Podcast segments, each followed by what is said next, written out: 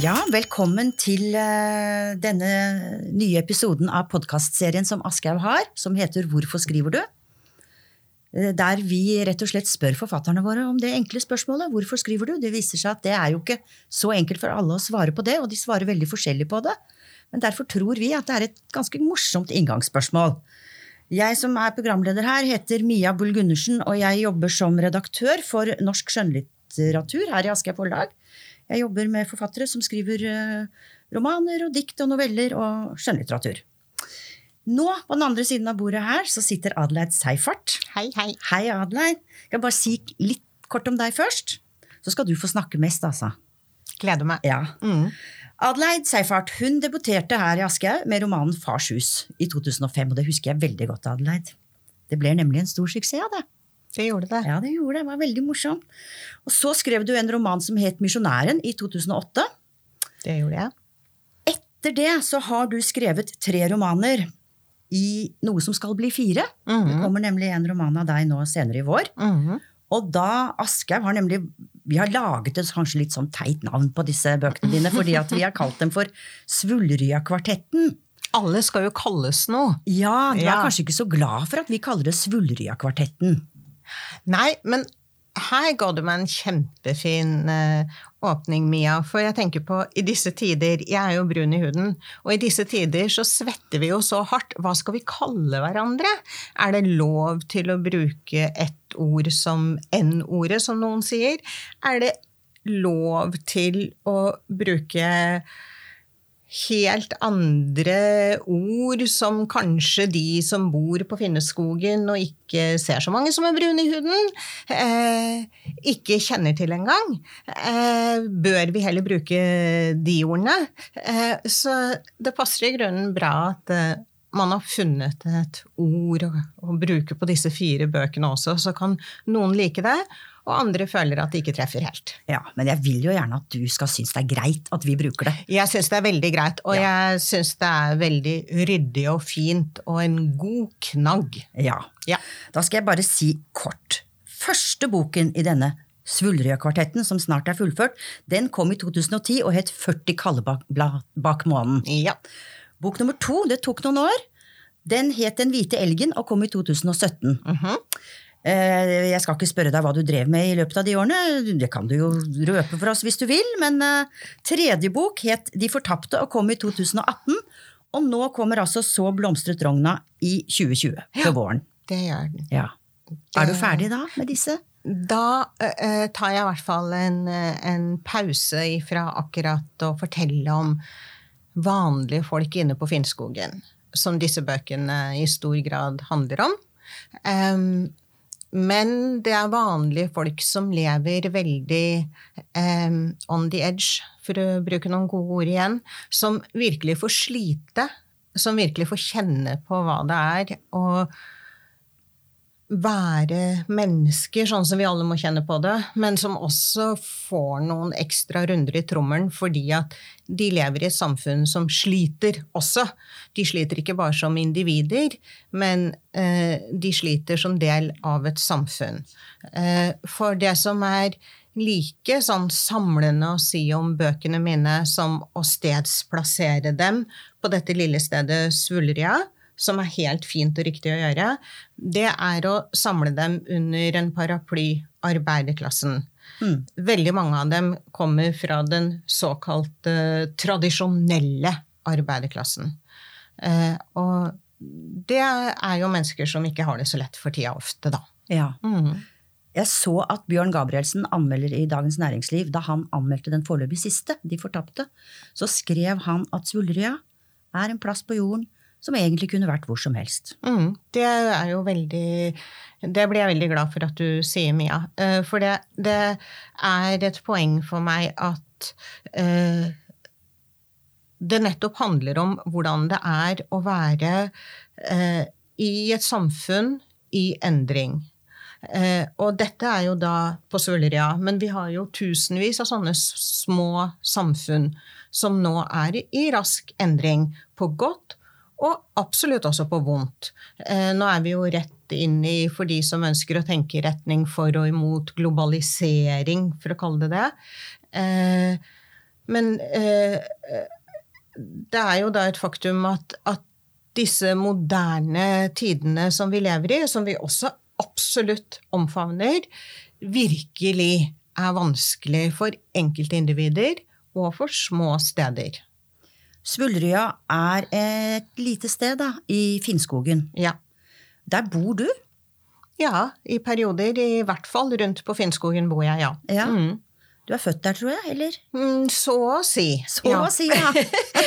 altså, det, det eh, Oppe hos oss så gjør vi et lite skille mellom det å, å bo på bygda eh, og det å bo inne i selve skogen. Eh, og det kan være ganske viktig skille, fordi nede på bygda der hadde du jo de store bøndene, for så vidt har. Eh, men så til gjengjeld på skogen så har du skogeierne. Eh, så, men eh, allikevel så flertallet av de som bor bodde på Finnskogen, er jo selvsagt ikke store skogeiere. Så det er litt sånn sosial friksjon, da, historisk, mellom eh, de som bor på bygda, og de som bor i skogen. Så jeg vil ikke påberope meg å være ifra innerste Finnskogen.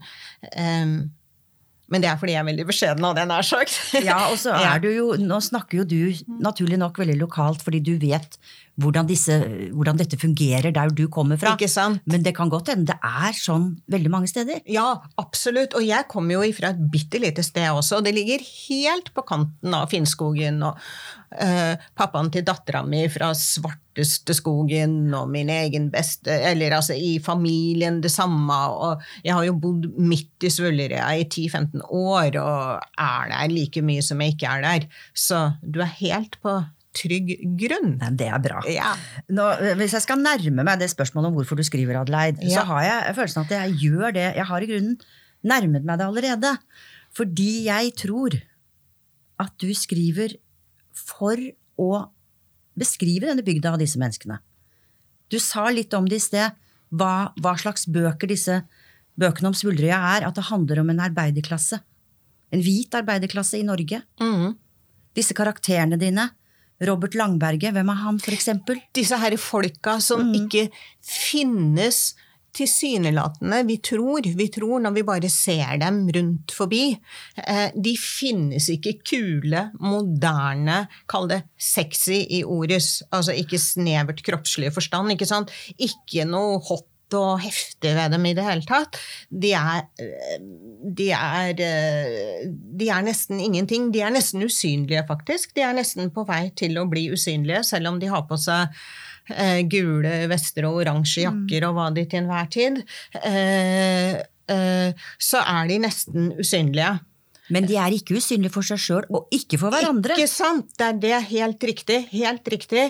Selvsagt så er det viktig for meg nettopp å formidle, samme hvor usynlig vi kan oppleve folk å være, eh, så er de jo eh, så er de jo subjekter, da, for å Ja. si, det, si det sånn. Eh, De, de har jo sitt liv, sin virkelighet, sin menneskelighet, sine følelser, sine sorger, som de, vi var inne på, de har mange av. Eh, De er eh, er noe så mye mer enn vi har en tendens til å se disse menneskene som. Så det er helt, helt uh, to the point, for igjen å snakke god dialekt her. Ja, gjør det. Ja, da skal jeg preke litt dialekt og si at klart, de er jo dum som vi er. Uh, og mennesker blir jo heller, når de blir presset, så blir de jo mer mennesker. De blir jo mer observante på seg og hva de er og ikke er. Uh, de blir ikke eh, mindre synlige, de blir mer synlige også for seg selv og også for hverandre i dette samfunnet, når de eh, lever så hardt, brutalt og voldsomt eh, som mange av dem gjør i disse tider. Som de har gjort i stor grad hele tiden. De har reist inn til Oslo, bygget byen. Eh, bygget seg i hjel, daua av å gi oss trikkeskinner, av å gi oss fotgjengeroverganger, av å gi oss eh, lys som eh, er røde og grønne. De har daua av å gjøre det der. Men nå får de ikke engang eh, lov til å daue, hadde jeg nær sagt. De, de forsvinner, nærmest. Robert Langberget han gjorde nemlig det. Han pendla. Han pendla. Oslo i lang tid. Og la asfalt og holdt på inne i byen her. Og det var han stolt av. Ja, Men han orket ikke mer til slutt, tror jeg. Nei, han orket ikke mer til slutt. Fordi at man, man Da jeg kom gående gjennom byen her i dag, og så ser jeg folk som står med sånne maskiner, og så er vi vant til Så stikker vi så elegant nesten en finger inn i øret, og dette orker vi jo nesten ikke å passere. Tenk å stå i det der, da! I time ut og time inn. Tenk å stå og vente på eh, flytende asfalt, kokende asfalt, i 18 kuldegrader, og asfalten kommer ikke. Nå vet ikke jeg om man legger asfalt i 18 kuldegrader, men bare for det absurd. Altså, man har vanvittige temperaturer. Man har eh, i alle retninger. Man har sånne belastninger på kroppen, men også på psyken. De jobber jo, det skal jo være så og så mye ferdig hver dag. Man skal opp og stå, være på plass klokka sju. Altså, det er helt utrolig at kroppene våre vil, og det vil de jo ikke heller. Nei, man blir jo sliten av det. Det ble Robert, og han Jeg skal ikke røpe så veldig mye av hva som skjer i de bøkene dine, for jeg vil så veldig gjerne at mange skal lese dem, nemlig. For de er så nydelige. Men jeg vil komme litt tilbake til de karakterene. Fordi at det, som vi nå skjønner ut fra det du sier, så skriver du jo om mennesker som du eh, lever med, sammen med sannsynligvis. Ja. Som du ser hver dag, som du treffer på butikken. Ja. Og, og, og du skriver tett på ditt eget miljø, det er det jo mange forfattere som gjør. Men da har jeg lyst til å bare spørre deg, kan det bli litt ubehagelig når du bor i ei så lita bygd, og skrive så tett på de folkene du lever Nei. sammen med? Fordi jeg må Du er en til øst, du, Adelei, som en kvinne på min egen alder Du sa. er ikke Nei. Hun sa du, Ja. hun sa du er. Du er en til oss, Adelheid. Går det an å få et større kompliment? Nei, det gjør ikke det. Så dermed så eh, gir vi oss til deg, og så får du lov til å beskrive det du ser.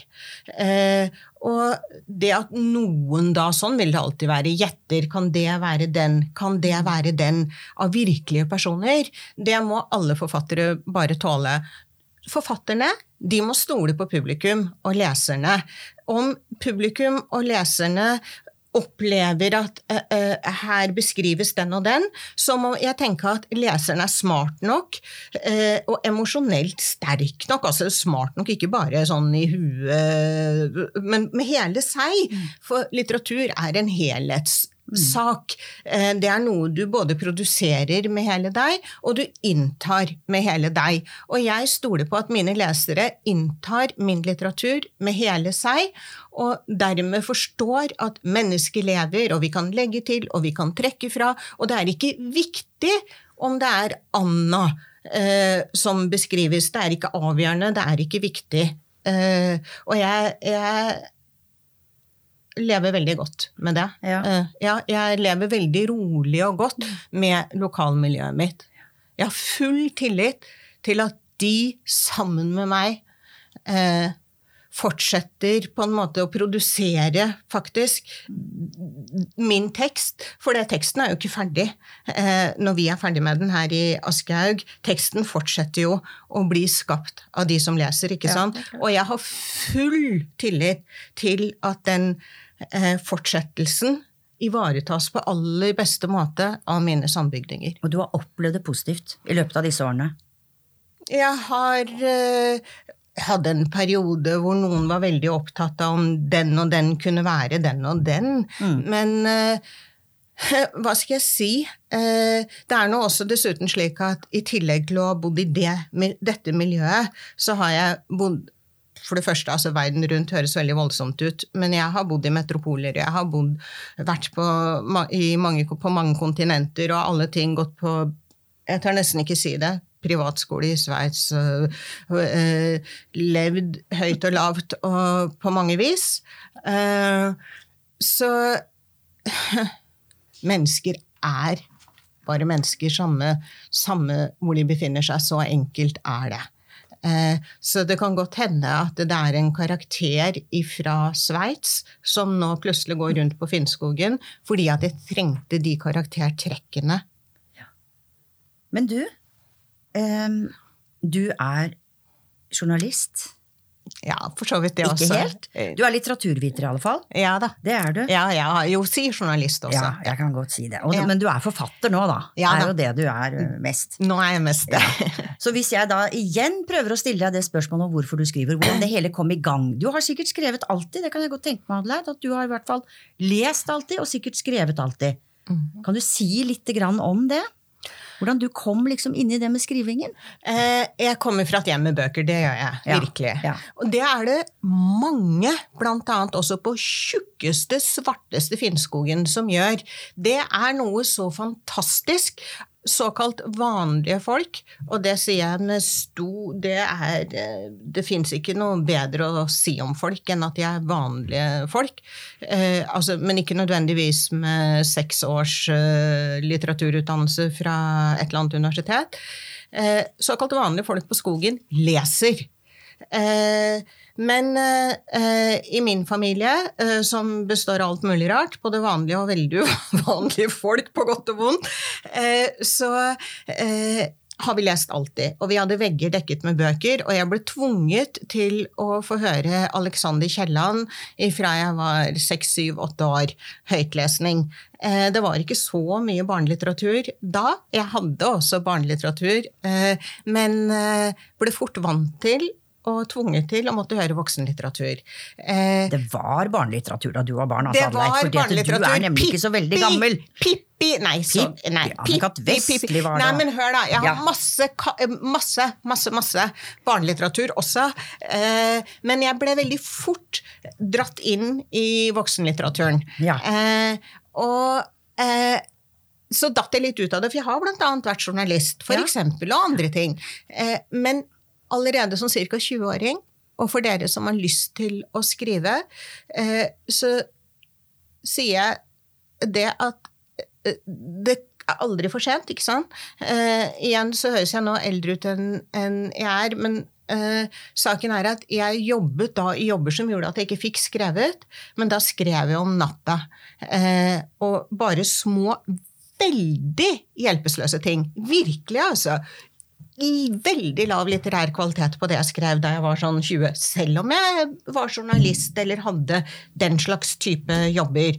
Eh, så Vet du at det var så lav kvalitet? Ja. Har du vært tilbake og kikka på det etterpå? noe av det, Ja. eh, og noe av det husker jeg, noen sånn dikt på rim. Ja, ja. Eh, Men eh, igjen, altså. Hvis man har lyst til å skrive, de som har lyst til å skrive For det første så går man ut og inn av faser i livet, ikke sant? Og for det andre så Du vet jo det bedre enn meg som redaktør, at det som tilsynelatende er ikke så veldig mye, og så plutselig kan veien være så kort til at det faktisk begynner å bli en litterær tekst allikevel. Eh, så eh, eh, det som da var mest sånn doskriblerier, bare at jeg da gjorde det under dyna, da, eh, det gjenopptok jeg da jeg ble voksen, sånn 30 og 35. Du debuterte jo i 2005 da med Fars hus, og den romanen er vel egentlig ganske personlig, Adle? Er den ikke det, da? Eh, Den er ganske personlig, men hele tiden er det viktig for meg dette her at eh, et menneske som lever i en bok, er der. Lever der. Det er veldig viktig for meg. Jeg er ikke sånn veldig knestående lykkelig for såkalt virkelighetslitteratur og disse tingene som kort sagt. Ja. Eh, altså, et menneske som heter Anna igjen, og lever i en bok, er Anna i den boken ingen, ingen annen person. Det er en karakter i en bok. Yes, Ja. hun, for å lage henne, Mm. så har man tatt ifra deg, Mia, man har tatt ifra meg, Adeline, man har tatt ifra noen som jeg satt ved siden av på trikken i dag, man har tatt herfra derfra, og så har man smurt det sammen. Og hvis det skal være en god bok, eh, så er det sånn, eh, sånn eh, Anna blir til. Og så får man kalle det hva man vil etterpå, men dette er jo en annen diskusjon, da, om man vil kalle det virkelighetslitteratur eller ikke. Men for meg så er det, er det slik at selv om hvis man har glede av det, man kan sitte og nøste og tenke er dette denne personen eller denne personen, så er jeg så godt beskytta, både av disse gode leserne som jeg var inne på i sted, at jeg alltid stoler på leserne mine, men også at jeg vet at bak alle karakterene mine så fins det mange lapskausgryter, altså. Ja. Det er sånn karakterene blir skapt. Sånn det er blir de sånn de til. fleste forfattere skaper karakterene sine. Det vet jo jeg. Det Ja. vet jo jeg veldig godt. Det er det du vet. Ja. Uh, og da vil ikke jeg kalle det virkelig sånn eller Nei. slik, eller det, det er ikke så viktig for meg. Jeg, Jeg spurte egentlig bare om dette, nå husker jeg ikke om det var akkurat det jeg spurte om som du svarte på nå, men vi snakket jo litt om det i sted. Fordi at du, du lever så tett i den bygda du, du lever i. Jeg har bare, får jeg lov å komme med et sitat fra boken, fra boken din? alt. Men jeg syns det er så nydelig, den siste boken din. Siv med W i den siste boken din. Hun sier nemlig Hadde det ikke vært for hatet, hadde ikke plassen eksistert. Mm, Det sier hun. mm. Og i den første av det Svulria-kvartetten, som vi nå har begynt å kalle det, som het den eh, Nei, Den hvite elgen var ikke den første, det var nummer to, det, kanskje? Eh, hvis ikke ikke til og med nummer tre. Ja. Ja. Jo, det var det. Det var, kom i 2017. Det spiller ikke så stor rolle. Nei, det gjør det der ikke. er det nemlig et dikt som, hvor det står, eller jeg vet ikke om jeg skal kalle det et dikt, men der står det nemlig Dere som ikke er redde for å dø, burde skamme dere. Mm. Altså Disse to setningene, disse to sitatene, sier jo noe om inngangen til dette universet du har skapt. Jeg gleder meg virkelig i all ydmykhet og beskjedenhet til folk skal lese den boka som kommer nå, fordi jeg tror at jeg greier å fange eh, i hvert fall sider av det Ja, hatet om du vil, eller den intensiteten som utløses av å leve så tett på hverandre som man gjør på disse stedene. Eh, og hvor man er så prisgitt hverandre, på godt og vondt. Eh, og selvsagt så kan man da nesten litt banalt si at motsatt hatet, jo, hva er der? Selvsagt kjærligheten. Men er den det? Eh, og greier vi å, å, eh, være så innmari kjærlige mot hverandre på sånne små plasser. Men igjen, da, så blir du så godt kjent med deg selv av å stå i og bo på et sånt sted. Og du nytter ikke å komme og gjøre seg til og bløffe og spille noe som helst. Og det merker man på folk òg. Eh, fordi at vi vet jo, jeg vet jo hvem som da var din oldemor, og hvordan hun tulla seg bort. Og du vet hvordan min, min oldemor tulla seg bort. Og jeg vet hvordan du ser ut når du har en dårlig dag og må kjøpe tannkrem allikevel nede på nærmat. Og du vet hvordan jeg ser ut når jeg kjefter på ungen min på en måte jeg ikke burde gjort. Altså, vi spiller ikke skuespill. Vi er eh, de menneskene vi er, og det er veldig sunt. Eh, og så skal vi ikke idealisere det. Ikke i det hele tatt. Eh, og det tror jeg at jeg får litt fatt i. Ja, det gjør du virkelig. Ja, det gjør du virkelig. For det er jo en slag, det er selvfølgelig en det gjør jo at man har kontroll på hverandre på et vis. Dette at man vet så mye om hverandre. Man har det igjen Ja. på godt og vondt. Men husk på, når det gjelder disse folka oppe på skogen, hvordan de, vanlige kjerringer og gubber, marsja over grensen under krigen med flyktninger, eksempel. Eh, altså, de har en styrke, ikke sant? En autentisitet. Og de er vant til å stå i det, og det er ikke noe dilldall. Og flotte folk finner du alle steder. Og det gjør du jammen virkelig også på sånne plasser som Svulria og på skogen. Det gjør man, og nå skal, nå, skal jeg, nå skal jeg spørre om én ting til som jeg er litt nysgjerrig på. Og som jeg ikke har spurt deg om før. Det, det er nemlig det å skrive på dialekta di. Nå hører vi når du snakker. Du snakker ikke noe spesielt dialektisk når du snakker med meg nå. Men jeg vet at når du kommer hjem, så gjør du det. Da- Er det ikke sånn? Jo, delvis er det sånn. Og vet du hva, jeg var så lei meg, for jeg tenkte at å, jeg er en stusslig type som Jeg er sånn spyttslikker som bare prater sånn som den jeg prater med, prater, eller noe sånt noe. Men nå har jeg pratet med mange som kommer ifra eh, Kall dialektområder, områder, eh, som, som da nettopp har det som meg. at man snakker sånn som den man snakker med, gjør til en stor grad. Så når jeg kommer hjem igjen, og om jeg møter av, Siv eh, da, eller si, møter av Irene, som lever og er ei vanlig vettug kjerring oppe hjemme, så preker jo jeg Neimen, Det er klart du gjør det. Men det du gjør, nemlig at du skriver også på dialekt. Du har gjort det delvis i disse bøkene. Delvis har jeg det, og Ja. jeg Altså, det er ikke fordi jeg Ikke bare når de snakker og indre monolog. Du har skrevet på dialekt.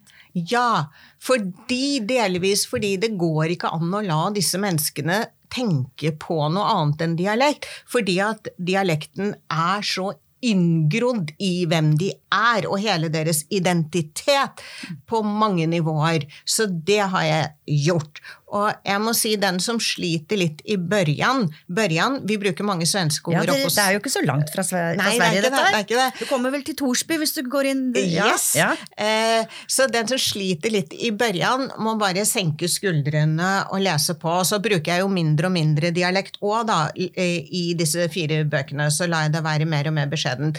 Men det har vært et selvstendig mål for meg også å fange dialekten, rett og slett. For at et hus som Aschehoug også skal ha dette i porteføljen sin. At de har vært med å ta vare på en, eh, en måte å snakke på.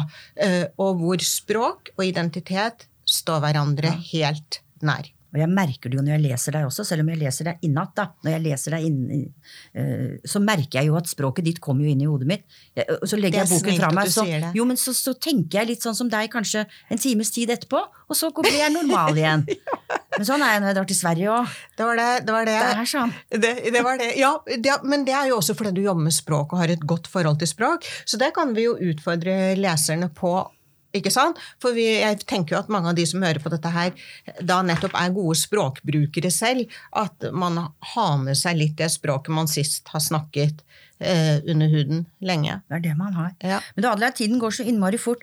Er det noe du føler nå at du ikke har fått sagt, som du har veldig lyst til å si før vi Det aller meste, fordi at eh, jeg bare prater i vei. Eh, Og da tenker jeg selvsagt på alt jeg Alle de gode spørsmålene jeg fikk som jeg svarte på, hvor jeg svarte på noe helt annet enn jeg kanskje burde ha gjort. Men vi får bare la det stå sin prøve, tror jeg. Jeg Også. syns det gikk bra, jeg, dette her. Ja. Dette gikk bra. Og så gleder vi oss til, til en bok nummer fire i Svuldrøya-kvartetten. Nå sier jeg det rett ut, selv om det er forlaget som har funnet det på. Så blomstret rogna heter den. Og når, er den kommer? Den kommer faktisk allerede nå om et par-tre uker. Nå har jeg da drevet og, og herja litt eh, så, og, og vært umulig å jobbe med og lagt til litt dialekt og tatt bort litt dialekt i siste. Så den er sikkert litt forsinket, men etter planen medio, som det så elegant heter, februar. Du har knota litt i korrekturen, med andre ord. Jeg har knota litt, Ja, ja. det er bra. Det blir sikkert bedre da, Adelaide. Det blir sikkert bra. Takk skal du ha. I like måte, Mia. Tusen takk.